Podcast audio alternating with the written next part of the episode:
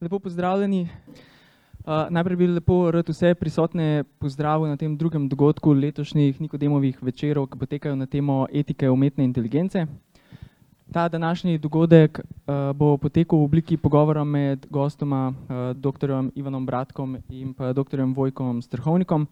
Torej, na začetku večera bosta um, oba gosta na kratko predstavila Um, imela kratko predstavitev, kjer boste izpostavila vidike, ki se njima zdijo uh, ključni za temo, o kateri bomo danes govorili, torej o izzivih, uh, etičnih izzivih umetne inteligence. V drugem delu uh, bo sledil pogovor, kjer bomo za istočnico uporabili neki uh, teh tem, ki so bile naslovljene že v njuni predstavitvi in pa na koncu seveda uh, verjetno najključnejši del ta, to, da uh, sledijo vprašanja iz publike um, torej, da ste tudi vi uh, udeleženi v diskusijo. Jaz bi samo za začetek uh, večera, preden začnemo, tako kot je uh, tradicionalno že um, na Nikodemovih večerjih, Matevža povabil za kratko vodno molitev iz svetega pisma, potem pa začnemo s predstavitvami. V imenu očeta in sina in svetega duha. Iz Evangelija po Mateju. Jezus je rekel, Ne skrbite za svoje življenje, kaj boste jedli ali kaj boste pili, in ne za svoje telo, kaj boste oblekli. Ali ni življenje več kot jed in telo več kot obleka? Poglejte ptice neba, ne sejo in ne žanjejo, niti ne spravljajo žitnice in vendar jih vaš nebeški oče hrani. Ali niste vi več vredni kot one? Kdo izmed vas pa more svojo skrbjo podaljšati svoje življenje za en sam komolec? In za obleko kaj skrbite? Poučite se od lili na polju, kako rastejo ne trudijo se in ne predajo. To, da povem vam, še Salomon v vsem svojem veličastvu ni bil oblečen kakor ena izmed njih. Če pa Bog tako oblači travo na polju, ki danes obstaja in jo jutri vrže v peč, mar ne bo mnogo bolj oblačil vas, maloverni. Ne skrbite torej in ne govorite, kaj bomo jedli ali kaj bomo pili ali kaj bomo oblekli. Po vsem tem sprašujejo pogani. Saj vaš nebeški oče ve, da vse to potrebujete. Iščite najprej Božje kraljestvo in njegovo pravičnost in vse to vam bo navrženo. Ne skrbite za jutri, kajti jutrišnji dan bo skrbel sam zase. Dovolj je dnevu njegovo zlo. Slava očetu in sinu in svetemu duhu. Meno očeta in sina in svetega duha. Hvala, Mateoš. Um, torej, da kar začnemo. Za prvo predstavitev bi povabil um, k besedi Ivana Bratka, ki je, verjetno ga vsi poznate, um, velja za pionirja umetne inteligence v Sloveniji in je že dolga leta profesor računalništva na tej fakulteti za računalništvo in informatiko. Profesor Bratko, prosim. Ja, uh, dobro, to se pravi, jaz sem skoraj gostitelj tukaj, ne. Eh, edini zgleda v, med vsemi iz te fakultete. Uh, tako da lepo pozdravljeni in hvala tudi organizatorjem za zelo vestno organizacijo tega srečanja. Jaz bom moral tole predstavitev narediti tudi tukaj, ker nekako drugače tehnično ne, ne, ne gre, ker je tale uh, pre, premehna površina, tako da tukaj mi uprostite, no, da se bom usedel. Um, naslov je etični izzivi umetne inteligence. Um, to je naslov, kot mi ga je predpisal uh, gospod Miklavčič. Um, in uh, jaz naj bi zdaj v kratkem kratki predstavitvi povzel, kakšni etični izzivi, uh, kaj so te etični izzivi, ki jih mi zaznavamo v umetni inteligenci. Um, ampak, ja, gospod Miklavčič mi je, mi je dal tudi to nalogo, da ne najprej povem, kaj je to umetna inteligenca. Sicer najbrž ni čisto nujno potrebno za vse od vas, ampak uh, vendarle sem je, imam tukaj le definicijo. To je sposobnost stroja za upravljanje naloge. Pravzaprav tako le vidite, da dva pomena ima ta beseda. Eno je sposobnost stroja, to je računalnika za upravljanje nalog, ki jih človek izvaja s pomočjo inteligence. in to s procesi, ki so pri človeku opisan, opisani kot mišljenje, učenje, načrtovanje, sklepanje, kreativnost, morda še kaj. Um, drugi pomen je pa, da je umetna inteligenca ime znanstvene discipline, ki se ukvarja z razvojem algoritmov in, in sistemov za reševanje problemov, ki jih človek rešuje s pomočjo umetne inteligence. Um, jaz bom najprej glede, uh, zdaj bom pre, pre, prešel na te uh, etične vidike uh, umetne inteligence in moram reči, da večino mojega življenja, ki sem ga preživel na področju umetne inteligence, smo imeli to srečo, da se nam ni bilo treba ukvarjati s temi vidiki, ker jih, se jih nismo niti zavedli in morda niso bili niti aktualni ali pa pomembni. Se pa zelo dobro spomnim, da je prišlo v enem trenutku do preobrata, ko smo se začeli zavedati uh, teh, teh drugih uh, vidikov, pomembnih vprašanj um, v zvezi z vlogo umetne inteligence v družbi. Um, in letnica je bila tole 2013, enkrat v oktobra, um, ko, smo, uh, ko, ko smo se dobili na eni večerji z dvema mojima kolegoma, Stuartom Raslom in Stevenom Mageltonom. In takrat je bilo za, za vse nas tri eh, fascinantno, da smo tako rekoč v istem trenutku vsi rekli, eh, poslušajte, eh, umetna inteligenca nam je bila do zdaj v izjemno veselje, to je področje, kjer se stalno nekaj dogaja. Ehm, in skratka, to je bilo, to je bilo za nas vse a lot of fun.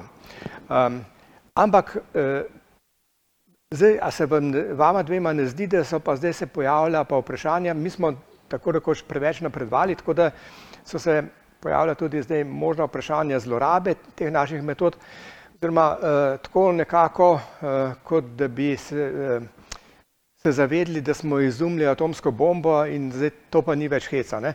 Eh, to pa ni več eh, a lot of fun. In eh, nenadoma so se pojavili ti resni vidiki. Zdaj, v tistem času eh, so bilo to, to tale vprašanja eh, povezane z samovozečimi avtomobili, kdo je odgovoren za nesrečo, potem inteligentna avtonomna orožja, kjer so se pojavili etični vidiki, pa tudi zakonodajni problemi in pa tudi možnost ene vrste konca demokracije, ker umetna inteligenca lahko se tudi zlorabi za uh, v politične namene in potem nekako ta uh, običajni demokratični procesi razvodenijo. No, to je bilo leta 2013, uh, dobro leto zatem se je vedno več raziskovalcev iz umetne inteligence začelo zavedati teh problemov in uh, pojavlja se je odprto pismo znanstvenikov iz umetne inteligence, uh, UI, tukaj bo pomenila umetna inteligenca, uh, ki uh, je poskušalo opozoriti na te etične vidike in uh, to pismo je bilo precej dolgo, recimo mogoče 10 ali 20 strani, pa precej podrobno, ampak um, povzetek bi izgledal takole. Umetna inteligenca hitro napreduje in njen vpliv na družbo se bo povečeval in potencijalne koristi tega napred, te tehnologije so ogromne, vendar pa to pomeni, da uh, je treba raziskati tudi uh, uh, nekatere nevarnosti, ki se skrivajo za tem in čas je, da razmišljamo ne le o tehničnih na, na napredku umetne inteligence, tako kot smo bili navajeni, ampak tudi o njenem družbenem vplivu. V tem pismu, mimo grede, Zanima me, kdo, kdo od vas eh, je seznanjen s tem pismom, ali lahko dvignete roke tisti, ki ste, ki ste slišali za to pismo. Tri. Uh, ali pa ne, da, da, da mogoče tri, ali, no, ne, ne prav veliko. Okay, um, ampak kakorkoli to pismo je bil začetek enega tazga zavedanja, ki se je pol raz, razraslo tudi v uh, aktivnosti pa pobude v mednarodnem merilu, v mednarodne organizacije, tako v uh, Združeni narodi, UNESCO, uh, Evropska komisija in tako naprej. Uh, skratka, tukaj se od teh nekak prvih prvega zavedanja se je se ta problematika potem zelo razvila v, um, in je postala zelo pomembna. Uh, ampak recimo nekatere prioritete, ki so bile navedene v tem pismu, je, da zakonodaja daleč zaostaja za realnimi tehničnimi možnostmi. Um, omenjen je bil problem avtonomnih orožij. Uh, jaz zdaj v, v detalje te diskusije ne, ne, ne bom imel časa iti, ker, ker bom že tako prekoračil čas, ki so mi ga namenili za ta uvod, uh, ampak bom bolj ali manj tukaj le omenil. Uh, potem bi pa, um, potem pa bo mogoče kakšno bolj podrobno vprašanje. Uh, potem problem zasebnosti podatkov, kako zagotoviti to zasebnost. Eh, profesionalna etika raziskovalcev umetne inteligence, to je bilo, bil en apel, da se ne raziskovalci ne ukvarjajo samo s tehničnimi podrobnostmi, ampak tudi z etičnimi problemi.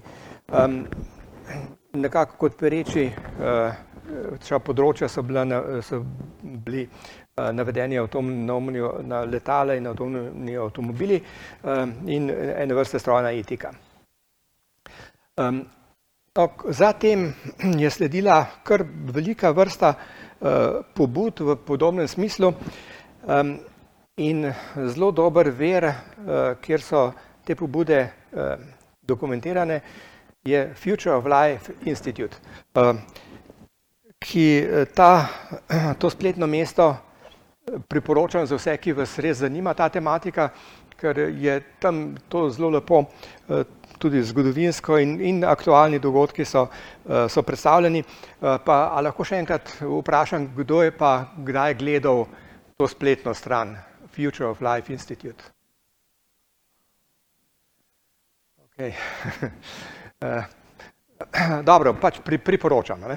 Um, no, temu odprtemu pismu um, iz leta 2015, ki sem ga omenil, ki je zbralo 8000 podpisov, je sledilo pa zelo kmalo še odprto pismo eh, tudi znanstvenikov umetne inteligence proti avtonomnim orožjem, ki je bilo objavljeno najprej na konferenci IČKAJ, to je največja konferenca za umetne inteligence in ki je zbralo 20 tisoč podpisov. Eh, potem recimo ena konferenca, ki je bila v kalifornijskem mestu Azilomar eh, z naslovom beneficial artificial intelligence je, uh, je nek, tam so formulirali neke principe, ki bi zagotavljali varno uporabo umetne inteligence.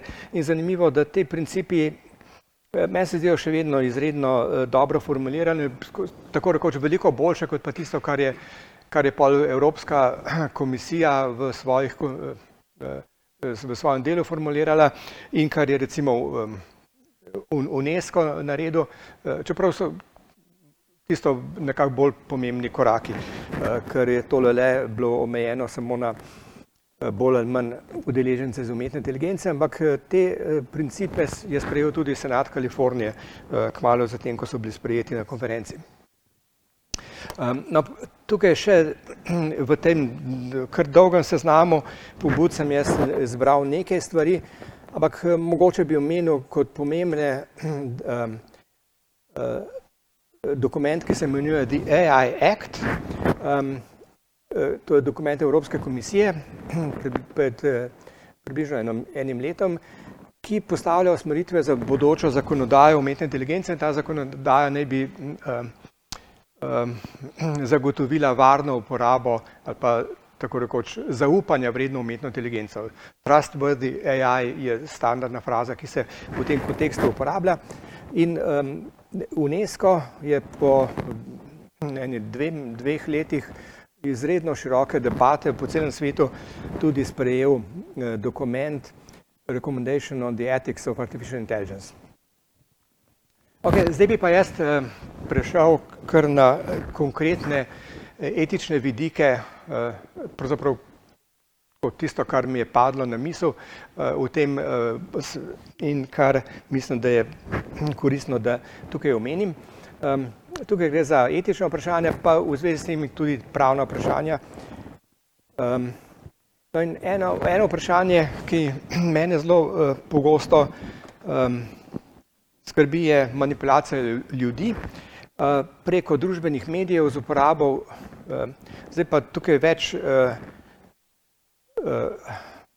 stvari, ki jih tem, ta manipulacija zajema, to je uporaba osebnih podatkov, potem pa tehnik umetne inteligence, med katerimi so predvsem strojno učenje, priporočilni sistemi, potem tehnike za spreminjanje mnen, obstajajo prav metode, kako najhi, v najhitrejšem času spremeniti mnenja v,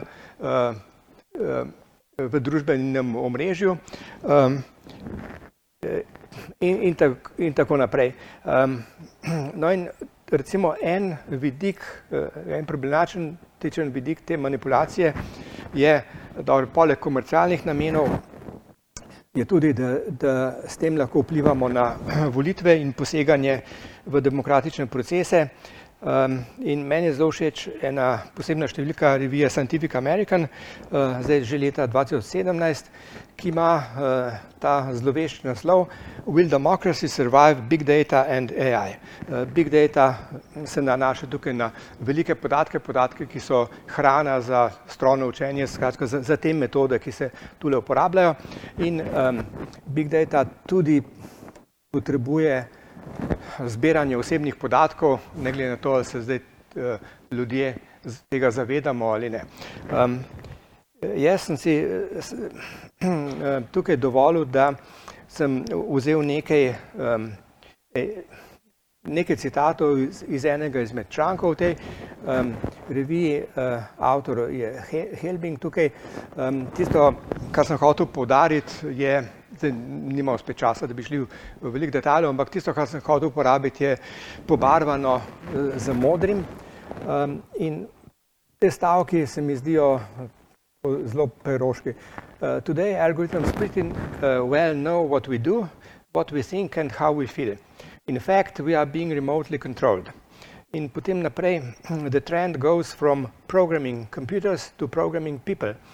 In to nažalost eh, izgleda zelo, zelo res. Um, no, naslednja, naslednji tak etični vidik, ki eh, je uh, zelo, zelo um, zaskrbljujoč, je uporaba avtonomnih orožij, kjer uh, umetna inteligenca v tem avtonomnem orožju sama odloči o tem, ali bo orožje izvedlo napad ali ne in samo poišči tudi cilj napada in se lahko jasno pri tem zmoti tudi napade civilne cilje. Um, skratka, nekako zelo, zelo vprašljiva stvar. Ena vprašljiva stvar teh avtonomnih orožij je tudi ta, da so relativno dostopna, veliko bolj kot pa atomsko orožje in um, in torej dostopna tehnično in, in uh, po, tudi poceni. Um, tako da je nekako tistega uh, z, um, zavore pred uporabo teh orožij ni tako veliko kot pri atomskim orožjem, tako da je to eno tako sredstvo, ki se nekako na zelo lahkoten način lahko uporablja, pa v, v glavnem uh, zelo slabo. Um, recimo uh, Stuart Russell, eden izmed tistih so, mojih sogovornikov iz leta 2013, ki sem jih omenil, je tudi njega je to tako prevzelo, da je naredil en video, ki mu je dal naslov Killer Bots. Na kakšen način lahko ta avtonomna, inteligentna avtonomna orožja uh, na, pokončajo uh, pol mesta, on je še rekel, pobijajo polovico mesta, uh, ampak to ravno ta pravo polovico, ne, v, pač v ameriškem stilu, uh, ki, kjer so ljudje razdeljeni v ta dobre in ta slabe in umetna inteligenca določi, kje, kateri so ta dobre, kateri so ta slabi in vse, ta, vse tiste, uh, tisto polovico pobije. Um, no in zanimivo da se je vrsta držav odločila za to, da se opredelijo za prepoved uh, Eh, avtonomnih orožij, po angliško je stalna kratica LAWS, uh, Lethal Autonomous Weapons. In um, med njimi, recimo, ena izmed teh držav je tudi Avstrija, pa, pa, pa, ne, pa recimo, mislim, da Mehika tudi, uh, morda ene deset ali petnajst držav. V Evropskem parlamentu je prišlo do pobude za to, da bi se posamezne države članice opredelile o tem, ali so za prepoved teh orožij ali niso. In uh, zelo zanimiv fenomen, da od takrat naprej se temu vprašanju večina debat o etiki umetne inteligence izogiba. Torej, tako kot da to vprašanje zdaj ne obstaja več. Uh, tako da jaz si to razlagam, kot da so nekako vojaški uh, uh, faktori znotraj posameznih držav, so si nekako izborili uh, svobodo glede odločanja o avtonomnih orožjih, tako da in, in tudi v, v teh diskusijah širokih ne, se zmeri najde kdo, ki reče, da to je pa To je pa ena tema, avtonomno orožje so taka tema, ki je, ki je pokrita že v enem drugem dokumentu, pa se ne bo, tako kot druge teme ne bi bile. Ne? Uh, uh, ampak ali, ali pa to je najbolj, da pustimo mi uh, vojakom, da se odločajo, mi nismo čist dobro poklicani za uh, navadni ljudje, da bomo odločali o tem. Uh, no, v glavnem, uh, tako eno, eno precejšnje razočaranje. Eh, naslednji vidik, ki je etično vprašljiv pri eh, nekaterih sistemih umetne inteligence, je, da so nerazumljivi in eh, pri, pri tem, torej, to se imenuje problem črni škatl, ko v črni škatli se nekaj dogaja, črna škatla izračuna določeno odločitev, ampak uporabnik nima možnosti, da bi dobil razlago, zakaj je prišlo do te odločitve. To je zelo narodna stvar, ne, ne sicer vedno, ampak recimo, če ti, če ti zdaj umetna inteligenca priporoča določen zdravstveni poseg, recimo tvegano operacijo, potem bi rad vedel, zakaj je to potrebno.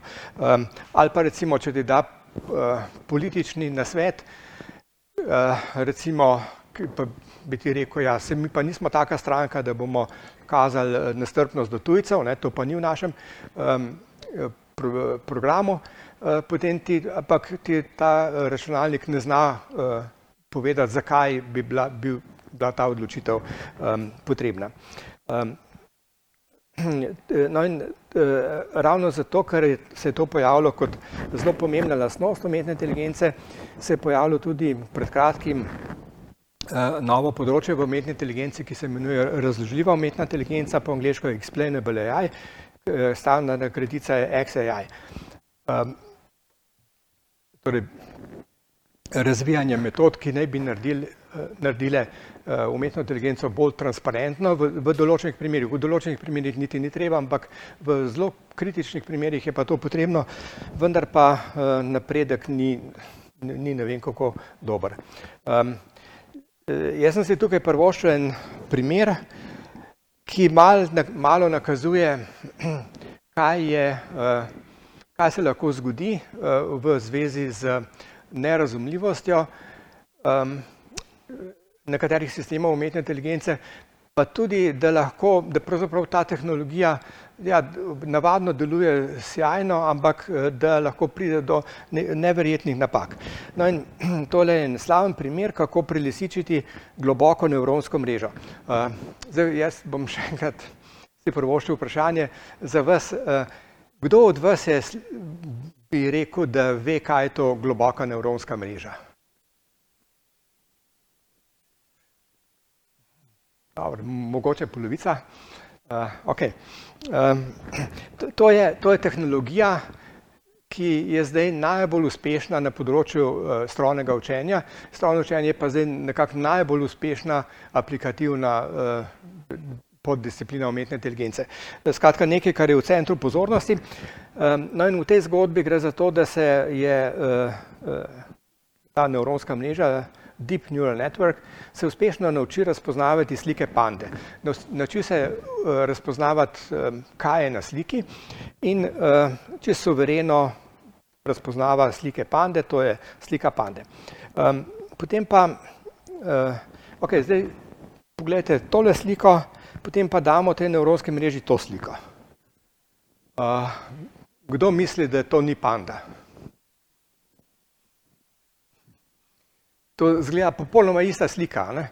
Uh, ampak, uh, ko tej nevronski mreži damo to sliko, uh, ta nevronska mreža pravi, ne, to ni panda, ampak to je gibon in uh, uh, prepričana sem 99%, da to, je, da to je res gibon in ne panda. Uh, vprašanje, kako je možno, da, da, da zdaj taka uh, sjajna tehnologija naredi tako grozno napako za človeka, popol, je popolnoma jasno, kaj je na tej sliki. Um, zdaj, s tem sem hotel upozoriti, da pač so še vedno možne neverjetne napake, čeprav je zato, da bom tole uh, nekako uh, povedal na fer način, je treba povedati, da je to zdaj mehne razlike med to sliko pa med prejšnjo sliko. Um, ja, mogoče še preden grem v to, pokažem, kaj, kako izgleda gibon. Človek ne bi nikdar naredil take, take čudne, grobe zamenjave, ampak kakorkoli ta slika pande, ki za človeka popolnoma enaka kot prejšnja, za katero vemo, da je, da je panda, ta slika ima ponekod nekatere točke uh, pokvarjene. In uh, te, te točke so pokvarjene na umeten način, tako da, prav, da je prav nekdo z nekim posebnim algoritmom, uh, ki uh, je, je najdel, kaj je treba minimalno spremeniti v tej sliki, da bo zavedel nevronsko mrežo.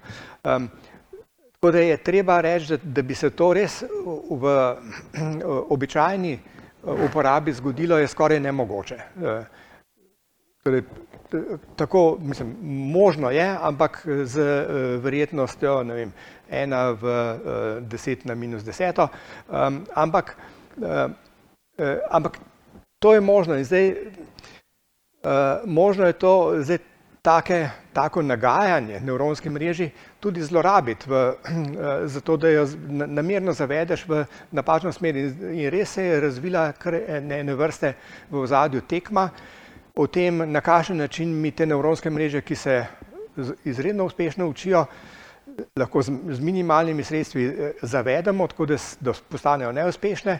Potem, pa, dobro, potem je pa druga vrsta metod, ki se pro, ravno proti temu borijo, pa branijo proti takimi, na, takim napadom. Eh, ampak v glavnem tukaj je ene vrste moč, močverje, uh, tako da, uh, zelo neugodno. Um, ok, no, uh, Zdaj uh, bom, bom jaz očitno moral pohiteti. Um, en zadržek uh, pred upravo umetne inteligence je tudi tako imenovana pristranskost umetne inteligence, ker izgleda, uh, kot da naprimer v uh, sistemih, ki se uporabljajo v sodstvu ali pa zaposlovanju, in ti sistemi uporabljajo uh, tudi temeljijo na umetni inteligenci, da te včasih dajo uh, odločitve, ki so pristranske po rasi ali pa po spolu. Uh, en tak zelo znan sistem je sistem Kompas, mogoče bo kasneje uh, diskusija še uh, kdaj zdaj danes nanesla na ta sistem, tako da jaz tega ne bi posebej komentiral, ampak je pa to zelo resen problem, ker ljudi odvrača od tega, od uporabe umetne inteligence in jim vzbuja nezaupanje. Čeprav morda gre le samo za vtis pristranskosti. Ne vem, torej, Za me je ta, to še odprta diskusija, ali so te sistemi res pristranske ali ne. Um, uporaba osebnih podatkov zelo veliko temelji na uh, zlorabi pri pridobivanju uh, in, in slabem varovanju osebnih podatkov.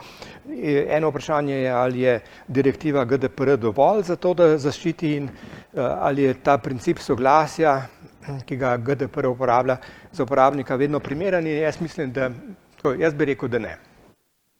Uh, ampak spet se lahko vrnemo kasneje v to.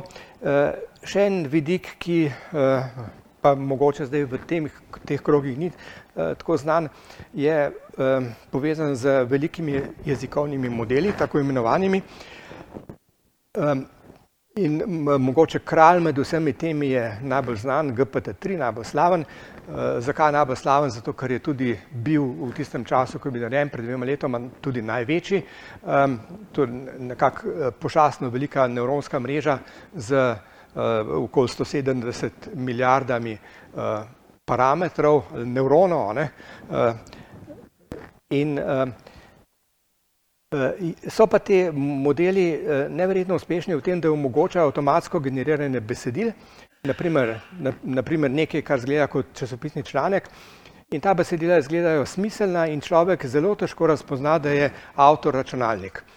Um, to je, je, je fascinantno, ampak po drugi strani pa uh, spet odpira uh, etična vprašanja, kajti kaj, bi, kaj se nam bo zgodilo, če bo, bo, bo cel svet zasud s temi uh, uh, uh, besedili, ki jih je generiral uh, umetno računalnik.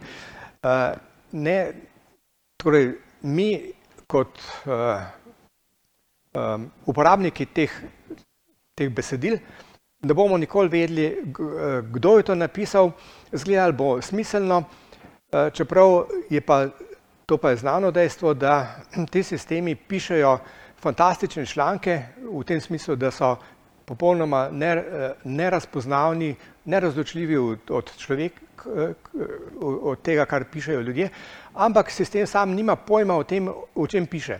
Nikjer ni nobene eksplicitne predstavitve kaj, o, o tem, kaj je zdaj logična vsebina takih člankov.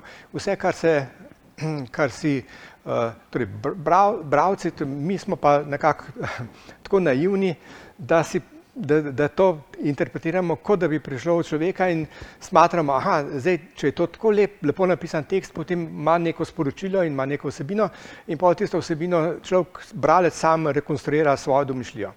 Um, tako, za, za moje pojme nekaj, nekaj čemu bi se bilo treba.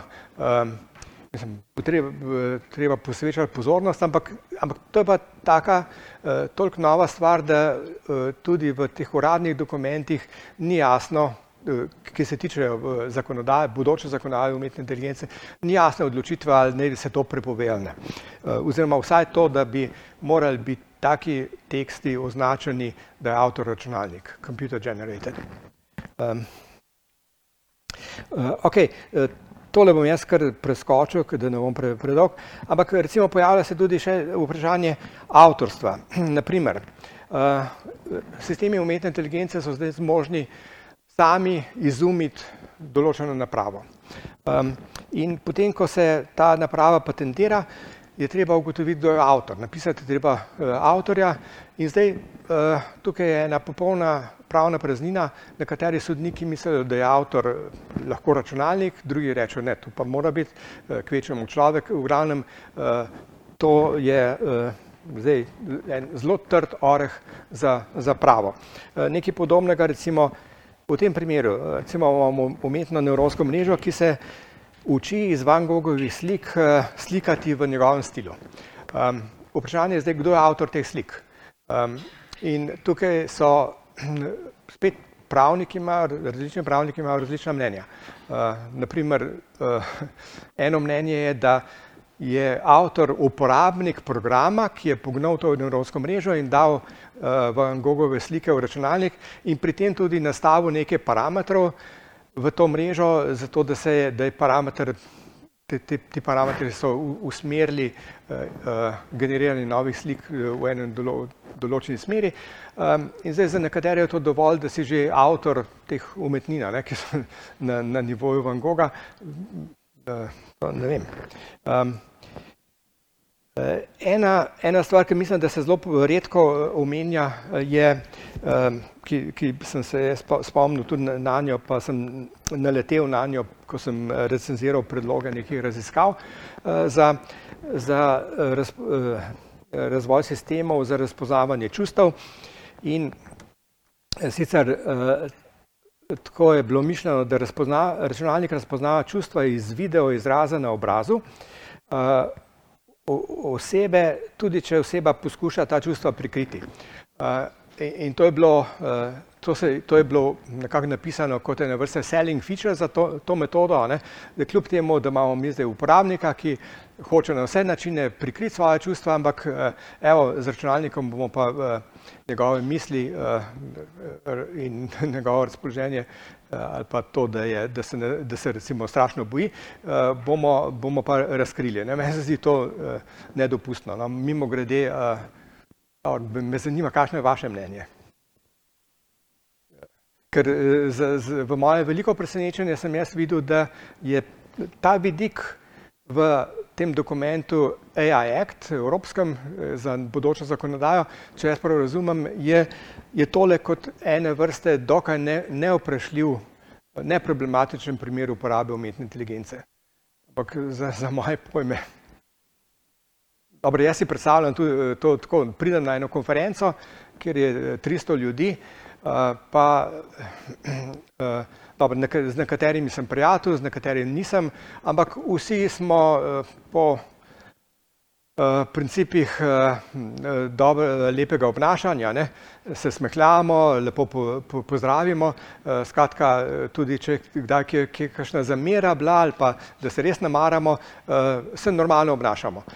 Zdaj pa bodo ti ljudje imeli na svojih mobilnih telefonih aplikacijo, ki bo vsa ta čustva pogledala, jaz bom samo pogledal po dvorani, pa bo rekel, ta telefon bo mi rekel, poglej, tale, tale človek se te strašno boji, onile te ne more videti. Tako da to, to bi čisto spremenilo normalno obnašanje.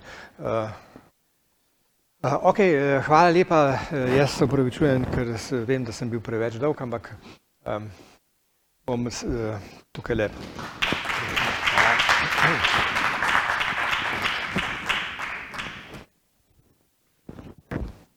Najlepša hvala, profesor Bratko, za vašo predstavitev. Izpostavili ste veliko veliko tem, ki jih bomo v nadaljevanju, upam, da uspeli nasloviti oziroma upam, da jih bomo uspeli nasloviti čim več. Sedaj pa za kratko predstavitev izbrane teme prosim še filozofa doktorja Vojka Strahovnika, profesorja s Filozofske fakultete, kjer je tudi predstojnik oddelka za filozofijo. Doktor Strahovnik pa je tudi vodja Centra za na človeka osrediščeno umetno inteligenco in etiko novih tehnologij s sedežem na Teološki fakulteti. Vojko, prosim. Ja, hvala, Jonas. Jaz bom mogoče ta uvod zastavil nekoliko drugače, pa bomo potem preko ovinka nazaj prišli k etiki umetne inteligence. In sicer bo moje izhodiščno vprašanje, kaj lahko filozofija in filozofska etika sploh prispevata k etiki umetne inteligence. Zdaj, ker, ker govorimo tukaj o področju praktične ali pa uporabne etike, ne, potem je treba izpostaviti, da se to področje z velikimi koraki začne razvijati nekje okoli leta tisoč devetsto šestdeset do tisoč devetsto sedemdeset, in sicer na podlagi več različnih dejavnikov, ki k temu prispevajo. Gotovo je zelo pomembno vlogo odigrala tukaj vojna v Vietnamu, potem pričela so se množičnejša gibanja za pravice živali, tudi Peter Singer napiše to svojo knjižno uspešnico Osvoboditev živali. John Rawls objavi teorijo pravičnosti, ne, ki je izrazito vsebinsko delo, ki pravzaprav v izhodišče postavi eno samo ključno etično vprašanje, to je, kako naj organiziramo družbo, da bo ta čim bolj pravična. Potem razprava o pravici do splava, razprava o medicinski etiki, vse to pomeni, da se povežejo na eni strani širša družbena gibanja, večje število posameznikov, ki jih ta vprašanja zanimajo, in pa potem tudi filozofija, filozofska misel, ki se prej kot filozofska etika pravzaprav bolj ali manj recimo v prejšnjih dveh tretjinah dvajsetega stoletja posveča zgolj analizi moralnega jezika, moralnih pojmov, moralnih izjav. Pravi, kaj je tukaj vloga filozofije ali pa filozofske etike pri praktični etiki? Zdaj, nekateri avtorji se nagibajo k odgovoru, da lahko filozofe štejemo za neke vrste moralne avtoritete, ne, ki dajejo vsebinsko bolj pravilne odgovore na etične izzive kot drugi. To na žalost ne moremo ne morem v celoti podpreti. Je pa cel drug, cel niz drugih razlogov, zakaj je filozofija pa filozofska etika uporabna. Najprej, ker ponuja neki niz orodij, recimo pojmovno analizo, ponuja nam točne opredelitve, razvrščanje, analizo podobnosti in razlik med pojavi, logične posledice, razlikovanje, pojmovne distinkcije, potem ta razmerje med med dejstvi pa vrednostjo oziroma to, kar rečemo v angleščini fact value distinction. Drugič, ker je v svoji zgodovini filozofija razvila cel kup teorij, tako na ravni teoretične etike, normativne, praktične etike, ki že vključujejo podrobno analizo razmeri med posameznimi etičnimi pojmi, to mogoče še kasneje izpostavili, kaj to v praksi pomeni. Potem filozofska misel nam lahko pomaga identificirati problematične točke ali vidike, recimo to, da je pred kakršnikoli medicinskim posegom potrebno soglasje ali pa pristanek posameznika, je nam v, v današnjem svetu nekaj samoumevnega, ampak 50 let nazaj temu ni bilo tako, ampak to ne zaradi tega, ker bi zdravniki bili zlohotni ali pa, ampak enostavno, ker noben ni na to posebej pomislil, noben ni bil še etično občutljiv na te vidike. Potem miselni eksperimenti, s katerimi lahko izzovemo različne intuicije, variramo parametre, parametre. Profesor Bratko je lepo izpostavil en zastavek za tak miselni eksperiment, to so te Van Gogove slike. V bistvu lahko uh, variiramo, koliko so podobne, pa na kakšen način uh, pride do njihovega generiranja, pa imamo mogoče različne intuicije, komu pripisati avtorstvo. Uh, zelo pomemben vidik filozofije je, da daje spodbudo in motivacijo za moralno mišljenje in delovanje. Ne. Recimo Iris Murdoch, ne, ki je bila tudi uh, odlična piska, je, delova, je rekla, da je etika to, kar nam pomaga posvetiti luč na tiste vidike naših življenj, ki so bili prej temačni ali pa temni ali pa skriti. Ne. Se pravi, da najde tisto, uh, kar, je, kar je vredno nasloviti. Uh, tudi lahko spodbuja sočutje, recimo etika živali in podobno, ali pa tako kot umetniška dela. Potem, ker ima filozofija izkušnje s temi vprašanji in pa ker je razvila cel kup metod in pristopov, ki jih je mogoče uporabiti.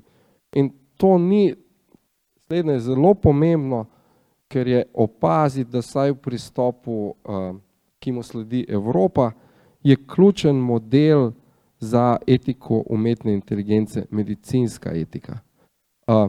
Tudi če pogledamo štiri temeljna etična načela, ki so vključena v to, kar imenujejo zaupanja vredna umetna inteligenca, so ta načela pri umetni inteligenci neškodovanje, avtonomija posameznika, spoštovanje avtonomije posameznika, pravičnost in pa transparentnost. Ne. E, če pogledamo štiri temeljna načela bioetike, so pravzaprav prva tri ista, avtonomija posameznika, pravičnost, neškodovanje, četrta je pa dobrotnost oziroma dobrodelnost, benevolence v angleščini. To so štiri temeljna načela bioetike, najbolj razširjena, pravzaprav uveljavljena strani vseh najpomembnejših dokumentov z področja bioetike. In ta rešitev, recimo, da se upne etiko umetne inteligence v model medicinske etike, je, je na nek način dobra rešitev, ker, ker se oprijemamo nekaj, nečesar, kar, kar je že razvito, kar sicer deluje, moramo biti pa zelo pozorni na podobnosti pa razlike med obema, uh, med obema področjema in pa na prednosti ali pa slabosti, ki jih tak model lahko ima. Recimo podobnosti so gotovo to, da gre pri obeh področjih za izrazito kompleksna vprašanja, ki jih ne moramo zelo enostavno etično razrešiti. Razlika bi bila, da je etika umetne inteligence nekako bolj politična oziroma ima več političnih razsežnosti kot medicinska etika. Prednosti bi bile to, da je obstaja za področje medicinske etike relativno obsežno strinjanje glede temeljnih načel in tudi načel na slednji ravni. Recimo, če pogledamo etična vodila Sveta Evrope ali pa John Hopkins uh, vodila ali pa vodila nacionalnih komisij, bomo našli bolj ali manj ista etična načela tudi na srednji ravni in mogoče je nekaj razlik v implementaciji, medtem ko pri, pri etiko umetne inteligence zaenkrat temu ni tako.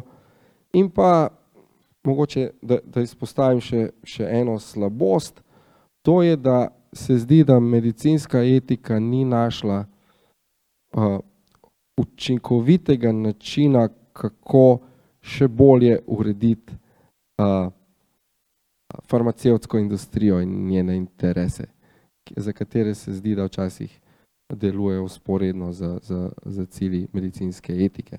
In tukaj je pandemija, kateri konca se upam, da bližamo, uh, bi so bila zelo koristna, uh, koristna prilika, tako da smo lahko videli na eni strani izjemen odziv medicine, farmacevtske industrije, ostalih znanosti, gre razvoja cepiv, pa ostalih orodij. Po drugi strani pa bi so, smo bili opozorjeni tudi na skrb zbojujoč poraz nezaupanja v znanost, kar se lahko zlahka prenese tudi na nezaupanje na področju umetne inteligence, pa, pa etike umetne inteligence. Ne. Potem pri medicinski etiki je posebnost tudi to, da se zdi, da lahko govorimo o nekem skupnem ali pa končnem cilju. To je recimo to, da so posegi varni za posameznika ali pa da je končni cilj zdravje posameznika. Medtem ko pri umetni inteligenci ni, nimamo takega nekega enotnega cilja, ki bi vsi vidiki, vsi sistemi umetne inteligence mu sledili. Tako da mogoče ista harmonizacija kot v primeru medicinske etike ne bo, ne bo možna. In prav zaradi tega, ker obstaja nek skupen cilj na področju medicine, je veliko bolj učinkovito sodelovanje med posameznimi deležniki na tem področju, medtem ko na področju umetne inteligence verjetno tega ni. Prav tako recimo na področju medicine poznamo neko zelo visoko stopnjo organiziranosti, imamo združenja, zgodovino profesionalizma, hipotrofov presego, imamo podobno tudi v med raziskovalci umetne inteligence, ampak predvsem majhni meri. Potem več, medicinska etika ima gotovo več izkušenj in pa metod za prenos teh načel v prakso in pa tudi že vzpostavljeno infrastrukturo, se pravi etični odbori, komisije, procesi certificiranja, procesi registracije so že vzpostavljeni za področje umetne inteligence, je to šele v začetkih. In to je pravzaprav tudi vprašanje, kakšen model uh, sploh izbrati za etiko umetne inteligence. Kot rečeno, en predlog je, da se tesneje sledi medicinski etiki, zdi se, da po vsebini skuša uh, Evropska unija slediti tej poti.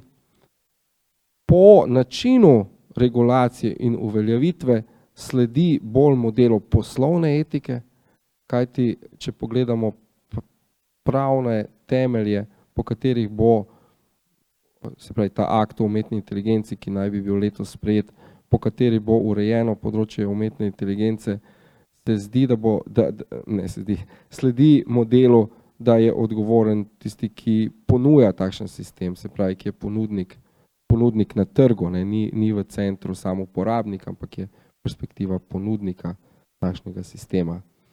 Uh, mogoče tudi še tretji model je model človekovih pravic, ki je tudi nekako upet Vsak ima seveda svoje uh, prednosti in slabosti, vsakega od teh pa pa potrebno upeti tudi uh, uh, filozofsko etiko.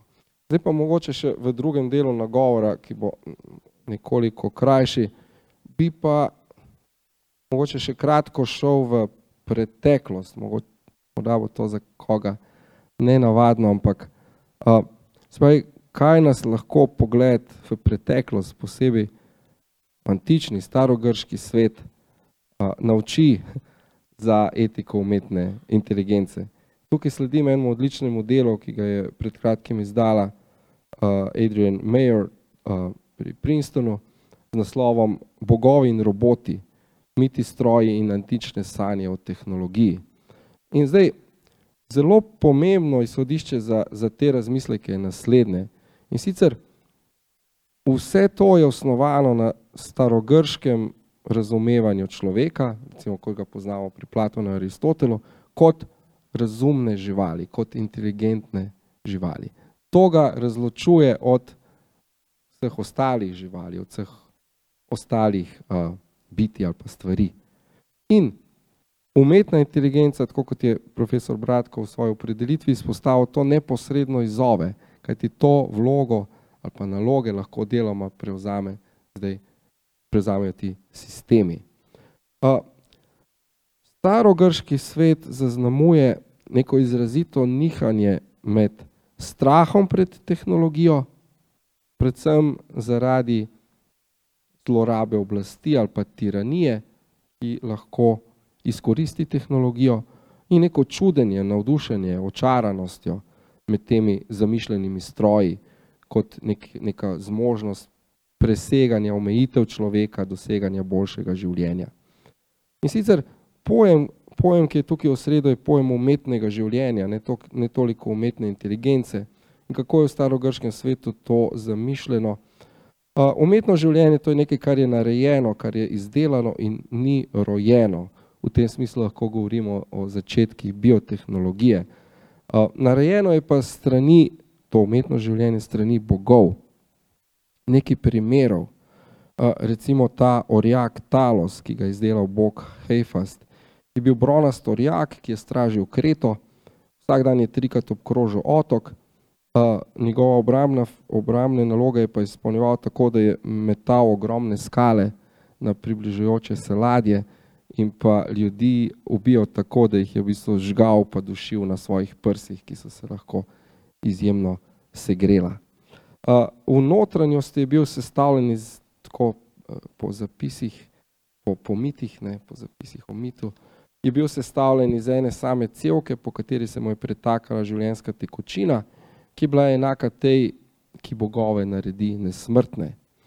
Uh, Talos nastopa v zgodbi o Jazunu, Zlatem Runo in Argonautih in uh, način, kako ga ukanejo, kako ga premagajo, je pravzaprav jim nakazala Medeja. Namreč Medeja je bila ta, ki je prepričala Talosa, da je smrten, čeprav je bil sicer nesmrten, ampak ona ga je prepričala, da je, nesmr da je smrten, da ga, da ga bo ona naredila nesmrtnega. Če le pusti, da mu odvijajo čep na koncu celke z življenjsko tekočino in jazon mu je potem s posebnim orodjem, z uporabo tehnologije, odvil ta čep in izlil to življenjsko tekočino in jazon, jazon je umrl. Zelo zanimivo, zelo zanimiva podobnost, na katero Major je v svoji knjigi opozori, je ta, da kar nekaj upodobitev tega talosa starogrških upodaritev upodablja njegovo smrt in marsikatera izmed teh upodobitev vključuje tudi solze pa izraz nekih muk, ki naj bi jih ta stroj doživljal, ko, ko umira. Se pravi, talos je bil neke vrste stroj, ki izkazuje tudi človeške lastnosti. Jazon argonauti se v svoji zgodbi srečajo tudi z dvemi biki, ki bruhata ogen in pa z avtonomno, avtomatizirano vojsko, ki vstane iz zemlje oborožena in programirana za napad. Tudi Medeja pomaga Jazonu ukaniti to vojsko in sicer da, tako, da izkoristi v navednicah kodo teh vojakov, da se samo uničijo, tako v mito v Jazonu. Heifast je seveda kot bog iz najp in tehnologije, po, po grški mitologiji stvaritelj celega niza drugih umetnih življenj ali pa avtomatiziranih sistemov, tako naj bi za prebivališče bogov oziroma nebesa naredil avtomatizirana vrata, ki se sama odpirajo in zapirajo, prepoznavajo prišleka in odhajajoče. Je avtor samovozečih vozil, potem žensk iz zlata oziroma pomočnic, ki naj bi imele moč, razum in soznanje bogov, psi čuvajev in tako naprej. Zelo pomembno je pa, in tukaj bom potem počasi tudi sklenil nazaj k etike umetne inteligence, zelo pomembno pa je, da je Heifas tudi stvaritelj Pandore. Včasih namreč slišimo to zgodbo o Pandori, da je uh, da, da ni ubogala bogov in je kljub temu iz radovednosti odprla to, ta vrč ali pa skrinjo in spustila vse nesreče ven. Ampak pravzaprav je izvirna zgodba drugačna. Ne. Pandoro je po naročilu Zeusa, ker se je želel maščevati ljudem, ustvaril Hefast, ustvaril je pa z eno samo nalogo, to je, da to uh, vrt z nesrečami prenese človeštvu in ga odpre. Uh, Heifas jo je izdelal po Zeusovih načrtih, zamislih, ostali bogovi pa so ji podelili svoje druge darove in moči, lepoto, odsotnost stramu in pa zvijačnost, ki je bila pomembna za to nalogo. Spravi, njen edini cilj je bil uh, odprt, odpret ta vrč, uh, po uh, Heziodu jo Hermes pospremi na, na zemljo in jo predstavi Epimeteju kot njegovo nevesto, kot njegovo ženo in Pandora potem to ta vrč odpre, takoj ko jo Epimetej uh, sprejme v svoje domovanje. Zdaj, kaj se lahko iz te preteklosti, ki je mogoče zanimiva ali pa na pol smešno naučimo, uh, nekaj premislekov lahko izpostavimo, to je, da, da so vsa ta umetna življenja, da so vsi ta avtomatizirani stroji uh, nekako dokaj zabavne stvaritve, dokler delujejo v nebesih ali pa med bogovi, medtem ko pridejo ali pa so poslani na zemljo, se začnejo z njimi težave. Druga, druga stvar je zelo pomembna povezanost med tehnologijo in tiranijo. Se pravi, kdo naroči in uporablja te stroje, tisti, ki imajo moč oziroma oblast. Uh, tretji pomislek je pa mogoče vezan uh, na, na človekovo uh, naivnost, ki včasih lahko rečemo tudi upanje ali pa uh, v kontekstu umetne inteligence zaupanje v umetno inteligenco. Uh, uh, ki je, je bilo pri tudi starogrških mitih vedno prisotno. Recimo, uh, da jim primer spet je nekoliko povezan z našo temo, ne pa povsem, recimo delski orakel, ne, ki izdajo slovite napovedi o tem, kar se bo zgodilo, ki so bile seveda več značne, ampak običajno so jih tisti, ki so jih uh, uh, si zaželeli ali pa jih slišali, jih napačno interpretirali ravno zaradi tega, ker so si nekaj želeli slišati ali pa ker so nekaj želeli prepoznati. Ne. Tako kot je profesor Bratko to, to opozoril pri teh besedilih, za, ki sicer za stroj nimajo smisla, ampak bralec nekako polaga uh, smisel, uh, ker si jih želi razumeti oziroma misli, da so, da so pristni.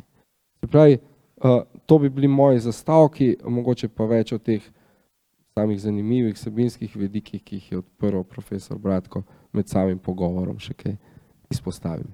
Hvala. Uh, hvala, Vojko. Um, zdi se mi, da je to pravzaprav uh, dober, dober začetek tega pogovora o tej temi etike umetne inteligence in tako kot je Vojko rekel, dobro je, da imamo na začetku okvir, uh, ki nam da vedeti oziroma nas opomni, da je teh izzivov danes že toliko, da imamo posebno področje, ki se s tem ukvarja, torej etika umetne inteligence, ki po eni strani, kot je Vojko izpostavil, lahko je na nek način vezano in podobno uh, drugim primerom etik, ki jih poznamo.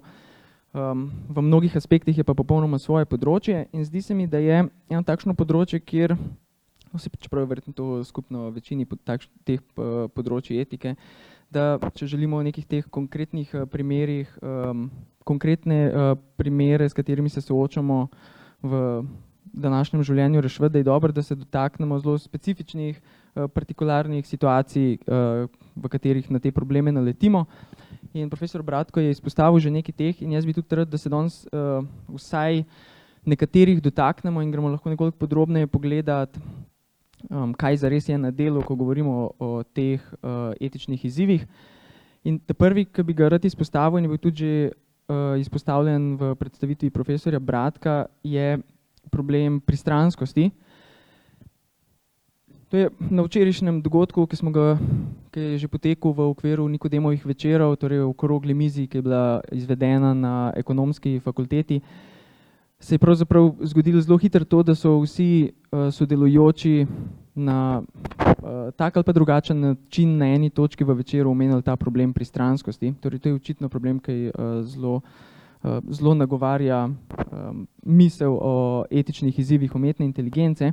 In jaz bi začel prvi s profesor Bratko, ker je um, um, zanimivo torej že na začetku pomisliti, kako da do te pristranskosti uh, prihaja. Torej za neko tak, uh, kot za uvod bi rekel samo, da imamo torej te odločitvene sisteme, ki se lahko na mesto nas odločajo ali pa naprimer asistirajo ljudem pri njihovem odločanju in prinaša skupaj s temi sistemi, ki lahko sprejemajo odločitve, prihaja tudi en kup enih obljub, kako bojo te odločitve sprejemali morda celo bolje kot ljudje ali pa vsaj enako dobro kot ljudje in te obljube, ki so pogosto omenjene, so naprimer, da bojo svoje odločitve počeli natančneje, torej naprimer z manj napakami ali pa vsaj, da bojo, jih bojo izvajali hitreje in verjetno ceneje.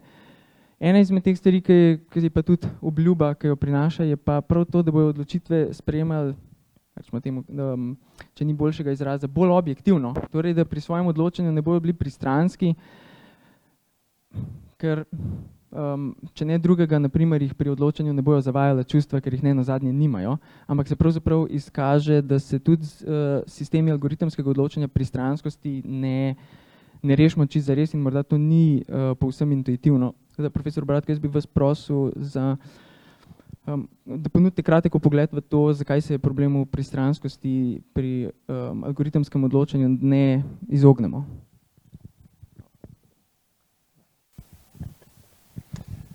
Hvala.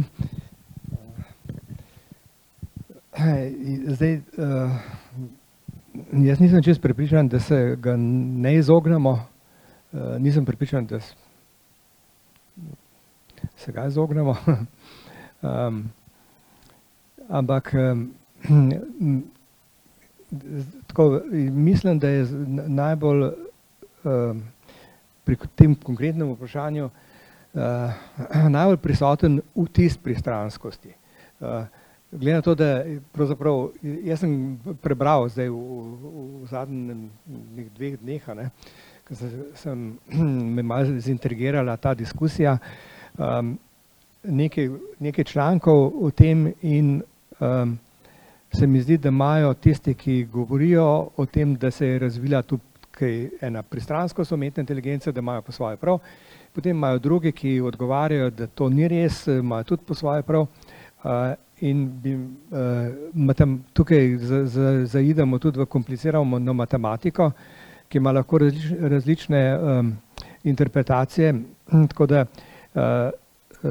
se mi zdi, da je tole, vsaj kolikor jaz razumem, neodločeno, mislim vprašanje, ki je gotovo vredno nadaljnje diskusije pa razčiščevanja. Ampak da zdaj ne glede na to, kako se, na kakšen način se bo to razpletlo, ne, ali bodo mogoče zmagali tisti matematiki, ki govorijo, da pristranskosti ni, ali pa obratno, ampak še vedno bo v javnosti obstajal pa vtis pristranskosti. In zdaj, če v javnosti obstaja vtis pristranskosti, potem to pomeni zelo slabo za ta orodja, ki naj bi jih ljudje v praksi uporabljali, na primer v sodstvu ali pa zaposlovanju ali pa v odobravanju kreditov. Tako da, da, da to bo, ta problem bo šel še dlje, kot pa je samo samo to vprašanje, ali pristranskost v resnici obstaja ali ne obstaja. Ampak v tej diskusiji, ki ste jo imeli včeraj, je, a ste vi kaj omenjali sistem Kompas? No, zanimivo, da ni bil omenjen, ker mislim, da je, da je bil to prvi sistem, ki, okoli katerega se je razvila ta diskusija pristranskosti, pa se potem je potem s to diskusijo okužil vse mogoče druge primere. In mislim, da je ta ta diskusija okoli Kompasa zelo poučna in značilna.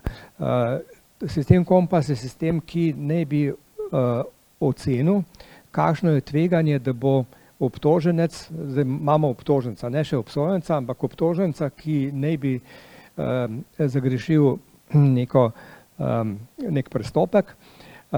In v tem postopku obravnave tega obtoženca na sodišču morajo sodniki sprejeti razne odločitve, med drugim tudi to, ali se bo branil na primer iz prostosti ali, ali pa bo moral biti v zaporu. In zato bi, zato bi morajo ti sodniki na en način oceniti, kakšna je nevarnost, da bo ta obtoženec v določenem času ponovil postopek ali, ali neki, neki, naredil nekaj podobnega. In, in če je tveganje veliko za to, potem je najboljše, da ga, da ga ima zaprtega v tem postopku, če pa je ta nevarnost mehna, potem je pa bolj primerno, da ga izpusti, že tudi bolj humano je in, in tudi dobro, nevarnosti s tem ne, ne povzroča. In eh, tudi za ameriški sistem eh, bi bilo to olajšanje, ker bi prihranili nekaj denarja, ker ima Mandel, eh, je to država z največ zapornih, dejansko ljudi, ljudmi v zaporih in je to že tudi finančni eh, problem. Um, in um, sistem Kompas na en način dobi podatke o, o obtožencu, uh, teh podatkov je veliko, ne? to je recimo med 100 in 200 razno raznih parametrov in, in podatkov, ki, ki se nanašajo na to, ali ima uh, stalno službo, ali ima stalno, um, uh, stal, je sta, na, na stalnem zaslovu in tako, na, naslovu in tako naprej. Uh, in na osnovi teh parametrov potem uh, sistem Kompas določi, ali je ta oseba uh, ne, netvegana, ali srednje tvegan primer ali pa zelo tvegan primer. V te tri kategorije ga um, uvrsti. Um, in sistem se je začel, uh, mislim, je bil razvit, razvila ga je ena ameriška firma North Point. Tako kot jaz lahko presodim, z, sicer je to profitna firma, ampak za najboljši namen, mi nameni, da bo to res uh, čim bolj dobro iz, izveden projekt in bo dajal realne napovedi, čim bolj točne napovedi, kaj lahko mi eh, pričakujemo od tega obsojenca, oziroma ne obsojenca, obtoženca šele. Um, no, in ta sistem se je dejansko v nekaterih državah začel uh, uporabljati in potem v vedno več državah in so tudi sodne uh, odločitve, ki priporočajo uporabo tega sistema, tako da je to nekako tudi v celem tem ameriškem sodnem sistemu bolj ali manj priporočeno urode. Mnogi sodniki eh, ga uporabljajo, seveda navodilo je, da je eh, kdo je odgovoren za, potem za, za odločitve, je eh, odgovoren je še vedno sodnik. Ampak to je, ta, ta, ta ocena kompasa je samo pripomoček, ki sodniku mogoče malo bolj pomaga. Um, No, potem je pa leta, eh, zdaj, mogoče eno leto potem, ko je bil uveden v to redno uporabo, eh, so sta dva ali pa ali skupina mogoče raziskovalnih novinarjev eh, raziskala, ali je ta sistem zdaj kakorkoli pristranski in seveda so ugotovili, da je, da je pristranski. In potem so v enem zelo znanem članku, objavljenem v časopisu ProPublica, pokazali en, eno vrsto primerov, ki kaže na to pristranskost, plus eno analizo statistično, ki kaže, da je torej, da afroameričani slabše pridejo skozi po, po tem sistemu kot pa beli američani. Um, In ta, zdaj, to je bilo napisano tudi s tako strastjo ne, raziskovalnih novinarjev, da je, je to mogoče najbolj znan članek o, o, sploh o tem, o tem problemu. Zelo kmalo zatem se je pojavil, mogoče pol leta zatem, članek z nasprotno vsebino, ki je priš, kjer, kjer avtori tistega članka so, so pa uslužbenci iz pravosodja, Eh, mislim, da hm, vsaj en sodnik, vsaj nekdo, ki se ukvarja z statistiko kriminala, eh, potem psiholog in tako naprej, eh, skratka ljudje, ki tako rekoč njih so predstavljali kot think tank ameriškega pravosodja. No, v tem članku pa, ta članek pa trdi popolnoma nasprotno, da kompas ni pristranski, da oni po svoji analizi ne morejo potrditi, da bi kakršno koli eh, rasno diskriminacijo. Uporabili so zelo sofisticirane matematične metode za to analizo, analizo torej analizali, analizirali so eh, primere eh, kompasovih ocen in potem tega, kaj se je s tem obtožencem dejansko zgodilo. Ali je po, po, po tist, tem času dveh let on res bil ponovno areteran zaradi prestopka ali ne. Skratka, to, to, to, to, te podatki so bili uporabljeni no, in po njihovi analizi ni, niso bili um, temni nič bolj, uh, uh, nič drugače obravnavani kot, kot beli. Um, Zdaj, tako, jaz sem se glede na to, recimo moja reakcija je bila, da bolj verjamem temu, Eh, drugemu članku, ki pa ima veliko manjšo publiciteto in mnogi, ki so dis kasneje diskutirali ta, ta primer, to je klasičen primer pristranskosti umetne inteligence. In se v, v javnosti se to uh, imenuje, potem že dobil nova imena, to je pristranskost umetne inteligence, pristranskost algoritmov, pristranskost podatkov, pristranskost strojnega učenja, you name it. In, ampak um, t, um, ta, uh, zdaj, tega drugega članka, tako kot sem rekel, ne, nasprotnega, pa pravzaprav skoraj noben ne citira. Vsi, ki se uh, še vedno diskutirajo o tem, uh, o tem istem problemu, uh, omenjajo pro publiko, ne, ne pa teh sodnih st, st, strokovnjakov. Nisem, torej, je pa res, da tudi, tudi jaz pa nisem čist pripričan, da je ta drugi članek uh, nekako stoprocentno prepričljiv, ker je pa zdaj spet preveč navijaški, ampak iz, dru iz druge strani. Um, in tako skoraj z vsem bi se jaz strinjal, ampak recimo, zakaj oni uh, prvič uporabljajo zdaj bolj sofisticirane metode matematične, ok, uh, ampak te, te so manj razumljive in recimo jaz vsega, vse tiste matematike nisem razumel, tako da tega tudi ne morem potrditi. Eh, drugič, zakaj niso oni vzeli uh, analizo iz ProPublike, ki je zelo enostavna in uh, pokazali točno, kje je tista analiza bila napačna. Tega niso naredili. Pa tudi problem so malo spremenili, tako da je bila analiza narejena na mal drugih podatkih. V glavnem, ne vem, za mene je to nekako Eh, vprašanje, ki še ostaje, zelo fajn bi bilo, da bi nekdo to raziskal, mogoče če koga zanima, kdo potrebuje doktorsko temo, uh, ali vi že imate, ne?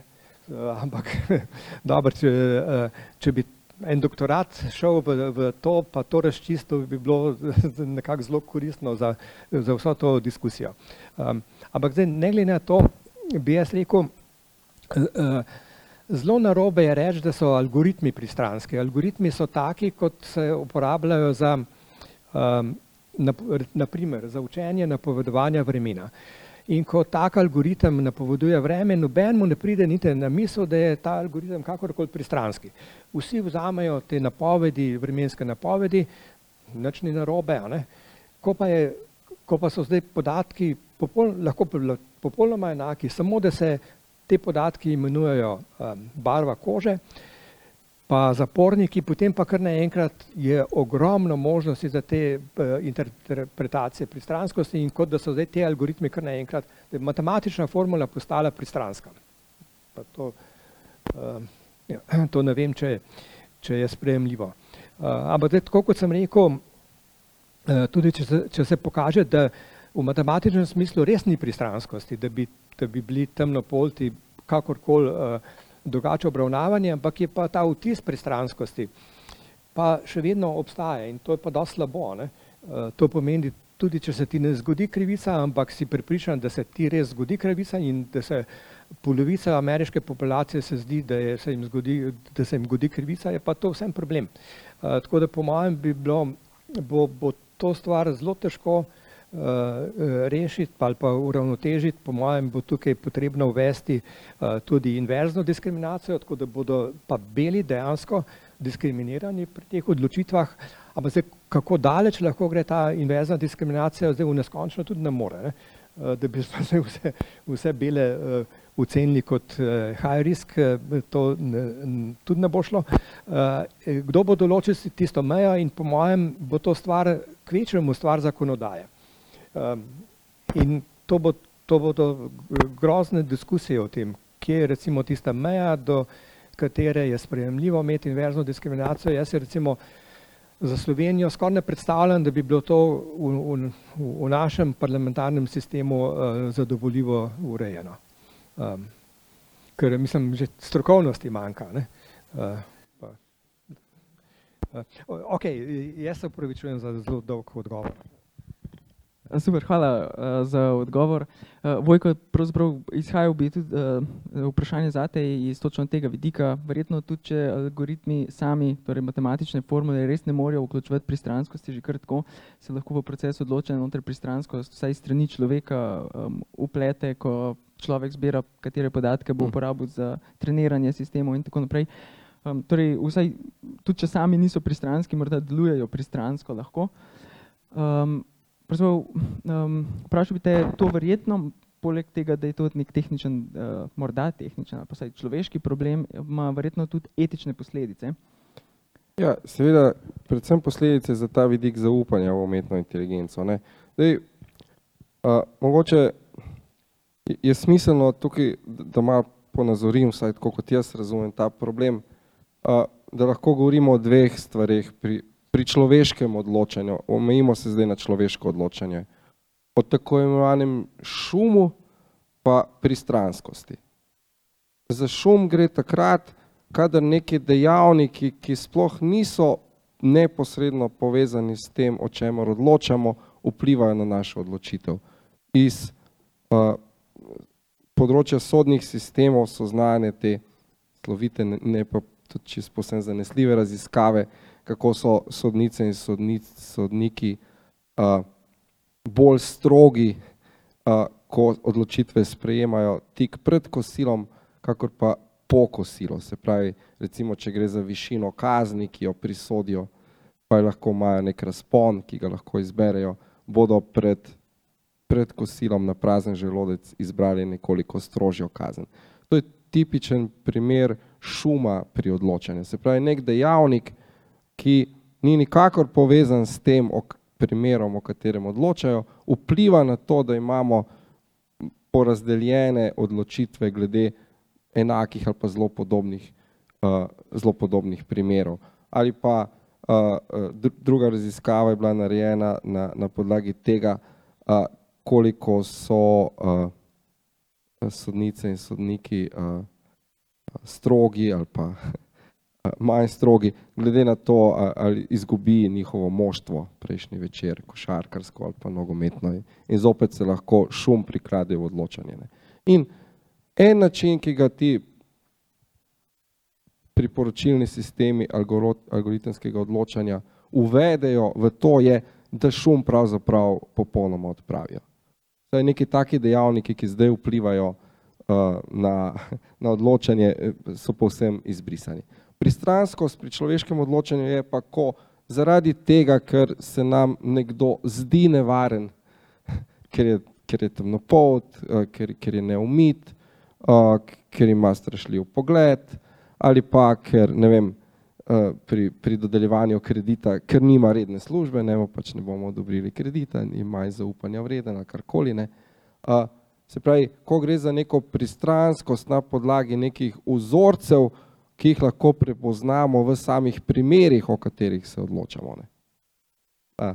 In tukaj gotov pri človeškem odločanju pristranskost igra uh, zelo pomembno vlogo, vsaj na nekaterih področjih, če tudi se jo, jo poskušamo čim bolj omejevati na takšne in drugačne načine.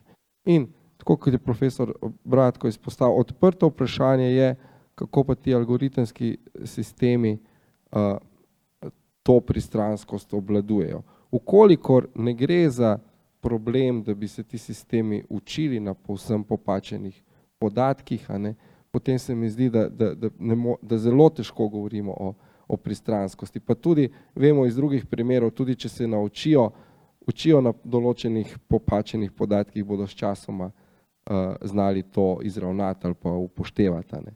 Tako da ni nujno, ampak recimo, da, da, da jih poskušamo, če jih, če jih korigiramo, ampak vsaj, vsaj en problem pri človeškem odločanju odpravijo bolj ali manj, drugega lahko pa bistveno zmanjšajo. Ne. Uh, kljub temu pa seveda uh, strani javnosti uh, se ustvarja določena mera nezaupanja, ravno zaradi podobnih razpitih primerov, ki včasih so tudi utemeljeni zgolj na nekih anekdotičnih uh, primerih, uh, ki, ki na prvi pogled se res zdijo kot uh, očitne pristranskosti, uh, morda, morda pa to niso. Ne. Mogoče, jaz sem se spomnil še na en podatek, ki je relevanten tukaj. Um, nekdo je potem naredil tudi analizo točnosti napovedi um, sistema Kompas in primerjal s točnostjo napovedi ekspertov, to se pravi sodnikov, ki dejansko odločajo v praksi. E, in podatki so tudi, tudi zanimivi, no? dobro jih je vedeti. Um, sodniki, posamezni sodnik uh, je dosegel pri tem napovedovanju ali bo prišlo do ponovitve prestopka, uh, je to pravilno napovedal v 63 odstotkih primerov, Eh, Kompas je to napovedal v 65 odstotkih primerov, se pravi, smo nekje blizu skupaj, ne? ampak Kompas je malo boljši. Eh, potem so pa še vzeli eh, komisijo sodnikov, pravi, neko skupinsko odločitev, kjer so bili tri, ali to ni bilo točno pojasneno koliko, ampak več sodnikov skupaj je z glasovanjem določilo odločitev, no in ta je bila pa 67 odstotno točna. Uh, tako da skupina ekspertov je malo boljša kot kompas in kompas je malo boljši kot posamezni ekspert. Uh, uh, tako da recimo že uporaba kompasa kot enega uh, člana te, te skupine ali pa te, tega senata bi malo poboljšala, tako očitno bi malo poboljšala točnost odločanja. Um, hvala. Vidim, da po mojem bomo morali malo iti že na vprašanje iz publike, ker ste že prej izkazali, da, da vprašanja iz publike bojo. Jaz bi se moral uh, samo še um, to, kar mene uh, zares interesira, uh, sem se nadejal tega, da bom lahko to vprašal. Um, uh, filozofom, um, uh, za vas, profesor Bratko, to vprašanje. Um, Eh, pogosto je filozofom, ki se ukvarjajo z etiko umetne inteligence, učiteno, da jih, uh, kaj pa sem skrbijo stvari, ki jih ne bi smeli skrbeti. Uh, predvsem v mislih ta, um, te skoraj apokaliptične napovedi o superinteligenci, ki bo tako prekašala človeka, da je človek ne bo mogel več brzdati in bo šla izpod nadzora in bo zauzela svet. Um, in uh, rad bi izkoristil to priložnost, da vas, ki se uh, ukvarjate, um, prav, um, torej vrč, um, kot računalnikar ukvarjate uh, sistemi umetne inteligence, um, bi me interesirala vaša perspektiva, koliko so te skrbi dejansko um, upravičene in smiselne. Okay. Uh, za te napovedi uh, vredno ste imeli v mislih ta fenomen, ki se imenuje točka uh, tehnološke singularnosti. A, med drugim. Aha, a, ok. okay. Uh, dobro. Glede robotov, ki zauzamejo svet, to je bila mogoče ena predstava pred uh, 30 leti, v, glavnem v uh, splošni publiki, na junih krogih. Uh, ja, kaj pa se, a ni to nevarno, da se ukvarjate z umetno inteligenco, zakaj je bilo to nevarno? Ja, se bodo potem roboti mogoče prevzeli oblast in nas podjarmili, in, ampak ta strah ni, ni bil, ni, praktično ni, ni bil možen, mislim, ni bilo verjet, videti, kako bi se res ta scenarij lahko uresničil, zato ker prvi, roboti so vedno preveč nerodni in zelo takoj bi postalo jasno, da roboti poskušajo nekaj um, recimo, prevzeti, narediti vojaške udara. Ne. Mislim, ljudje bi to takoj videli in tiste robote usposobili. Tako da to ni bila realna nevarnost. Druga nevarnost je bila ne vem, ne, ta, ki se navadno imenuje tehnološka singularnost, ko bi umetna inteligenca na en način nekateri si to predstavljajo, eh, prevzela oblast že samo s tem, da je bolj inteligentna kot pa človeška inteligenca. Eh, in ko, ko, bo, ko bo nastop, ko bo umetna inteligenca presegla človeško inteligenco po svoji moči, tak, to je tista točka tehnološke singularnosti. Eh, po definiciji avtor te, te, te, tega konstrukta je nekdo, ki se je ukvarjal z umetno inteligenco, Kurzweil se piše, ime sem pozabil, ampak prosim. Rej Kurzweil, ok, hvala. In on je, to je recimo, mislim, da pred dvajsetimi leti, a je bilo to nekaj takega, ne, dvajset let, se je pojavil ta konstrukt in potem je to vztrajalo ene deset let, ogromno sledilcev je ravno tako začelo razvijati, kaj se bo zdaj zgodilo, ko bo nastopil ta trenutek tehnološke singularnosti in mnogi, recimo tudi Stephen Hawkins, pa zelo znani fizik in izredno spoštovan, je rekel, da to bo, to zgroženo je rekel, to bo pomenilo konec človeštva. Sicer ni razložil, zakaj bi bil to konec človeštva, ne, če zdaj obstaja neka inteligenca, ki je boljša od človeštva, ker obstajajo tudi, mislim, stroji so bolj zmožni v, v fizičnih sposobnostih kot ljudje, zakaj bi zdaj še en super inteligenten računalnik pomenil, da je konec človeštva, razen, razen v tem smislu, da bi ljudje bili tako razočarani nad samim sabo, da bi kar se ulegli in umrli od, od žalosti, ne, ampak ne, ne vem, če, če bi to, v glavnem tega, tega ni potem noben od teh sledilcev in prerokov, vsak od njih, od teh prerokov je rekel, kdaj pa bo nastopila ta točka singularnosti, in vsak je povedal eno svojo letnico, čeprav te letnice so, to bo leta dva tisoč trideset ali pa dva tisoč petintrideset ali dva tisoč petinštirideset. Ampak recimo z, z po nekaj letih so te stvari se nekako so se pomirile in noben več ne govori o tej katastrofi grozni, domnevni katastrofi, in po mojem tudi sam, sama konstrukcija te točke tehnološke singularnosti je bila zelo nepopolna, zakaj, zato ker kako bomo mi vedeli, da je umetna inteligenca res bolj inteligentna od ljudi.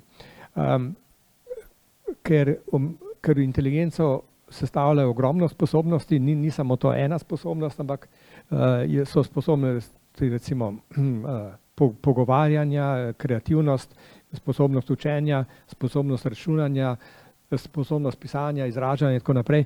Skratka, tu je ogromno ogromno sposobnosti, ali, ali zdaj ta točka singularnosti pomeni, da bo moral biti računalnik v vseh, v vseh teh disciplinah boljši, in če bi bil v vseh boljši, potem pa res skoraj ni videti, da bi, da bi se to lahko zgodilo, ne. Ker recimo tudi ta common sense reasoning oziroma sklepanje po zdravi pameti, tukaj so ljudje še vedno neprimerno bolj sposobni kot pa katerikoli računalnik, tako da vsaj recimo v tem primeru ostaja ena en kriterij, po katerem je si težko predstavljati, ne, da bi to, da bi v stotih letih od zdaj naprej se to res lahko zgodilo. V glavnem to, to ni možno, ampak druga stvar je pa zdaj, ali pa lahko umetna inteligenca na kakšen drug način prevzame oblast. Zdaj glede na to, kar sem povedal, tisti nasilni roboti, ne, točka singularnosti tudi ne, ampak recimo si pa je lahko predstavljati, da bi pa na en način prevzela oblast po, po mehki poti. Kajti recimo z zmožnostmi manipulacije ljudi umetna inteligenca ne potrebuje nobenih nasilnih robotov, zato da bo nasilno prevzela oblast, ampak dovolj je, da manipulira ljudi. lahko manipulira samo volilce, ki bodo spravili na, na oblast neko stranko, ki je zdaj tej umetni inteligenci slučajno določi, da, da bi bila to koristna stranka. recimo tudi umetna inteligenca si lahko izbere take politike, ki so lahko vodljivi in jih bo potem ona lahko, bo, bo spet z nekim netransparentnim priporočanjem odločitev vodila, tako da to je pa možno. drug, drug način, kako bi se to lahko tudi zgodilo, je preko preko tega, da ljudje, ki so ustvarili umetno inteligenco, morajo umetni inteligenci definirati kriterije obnašanja. Torej kaj naj bi ti, ta umetna inteligenca poskušala optimizirati. In to se ponavadi definira tako, da je to povezano z blagostanjem človeka, ne, saj umetna inteligenca naj bi bila v, v službi človeka. In recimo en tak princip naj bi bil, da ne umetna inteligenca poskrbi, da človeku ne bo, do, da bo, prizan, da bo človeku prizanešene bolečine. In zdaj ta princip je čisto ok, ampak če, če, če pa Če pa zdaj umetna inteligenca pozna samo take principe, ne pozna pa tudi uh, enega common sensa, ki, ki potem uravnava uh, iz, iz situacije, ko prihaja do konfliktov med temi principi, pa, pa lahko pride do tega. In zdaj en tak zelo enostaven primer, ki pa, ki pa ni čist nemogoče, da recimo um, umetna inteligenca je naučena, da mora uh, poskrbeti, da uh, ljudje ne trpijo, da ne čutijo bolečin, uh, potem ugotovi, da uh, zdaj ta stranka uh, ima hud glavobol. Uh, ima pa tudi to znanje, da če, če človeka ustreliš, potem glavo, glavobol mine. In potem to, zdaj, če to uporabiš brez common sensa, ne, kar, mislim, človek to ne bi tako naredil, ampak je možno. In jaz sem se spomnil v, v, v tej zgodbi, no, to, to zgodbo se nisem jaz zmislil, ne, ampak je nekje v umetni inteligenci um, se včasih um, ponuja, ampak recimo na tej fakulteti je nekaj zelo podobnega, ne tako dramatičnega, ne, ampak podobno neumnega se je zgodilo. Um, uh, mi smo se preselili v to fakulteto leta 2014 In takrat dobro, smo, smo, so nam povedali, da je celotni klimatski sistem je voden, ga vodi eh, računalnik, s tem, da ve, kakšna je zunanja temperatura, kakšna je notranja temperatura in potem eh, vključi prezračevanje avtomatično, vključi eh, hlajenje avtomatično in ogrevanje. Eh, in tisto prvo leto smo ugotovili, da po zimi je bilo še kar to v redu delovalo. Po, Spomladi je ta sistem ugotovil, da so zonanje temperature zdaj večje in je sklepal, da mora bolj hladiti. In so kar naenkrat uh, predavalnice postale uh, hladne, mrzle, pre, mislim, neprijazne. Uh, in mi smo, dobro, mi nekaj smo upozorili dekana, da bi bilo treba zdaj nekaj narediti, pa pravzaprav zadoščali, da bi pustili študentom, da sami nastavijo temperaturo v predavalnici, ampak uh, dekan je rekel, ne, ne, ne, uh, uh, študentje se pa ne bodo afnali s temi temperaturami, pa vsak bo po svoje neki nastavil, to bo popoln kaos.